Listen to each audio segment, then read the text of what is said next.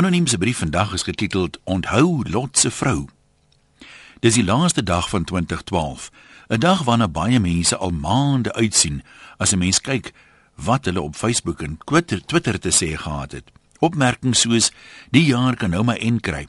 In minder as 'n maand oor was volop sedert November. As jy mooi daaroor dink, kan sulke mense seker nie vreeslik gelukkig wees nie. Ek meen as 'n mens aanvaar dat gelukkige mense die lewe geniet met sy uitdagings en al, sal hulle dit mos nou nie omwens nie. Het jy al iemand hoor sê, "Hy gelukkig nog net 10 dae se vakansie oor."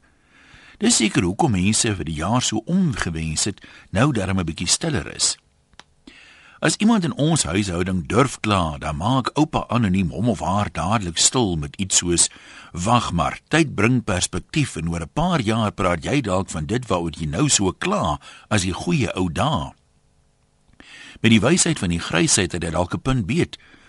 Hoor maar om die kampvuur met hoeveel smaak herleef mense hulle tye van swaar kry.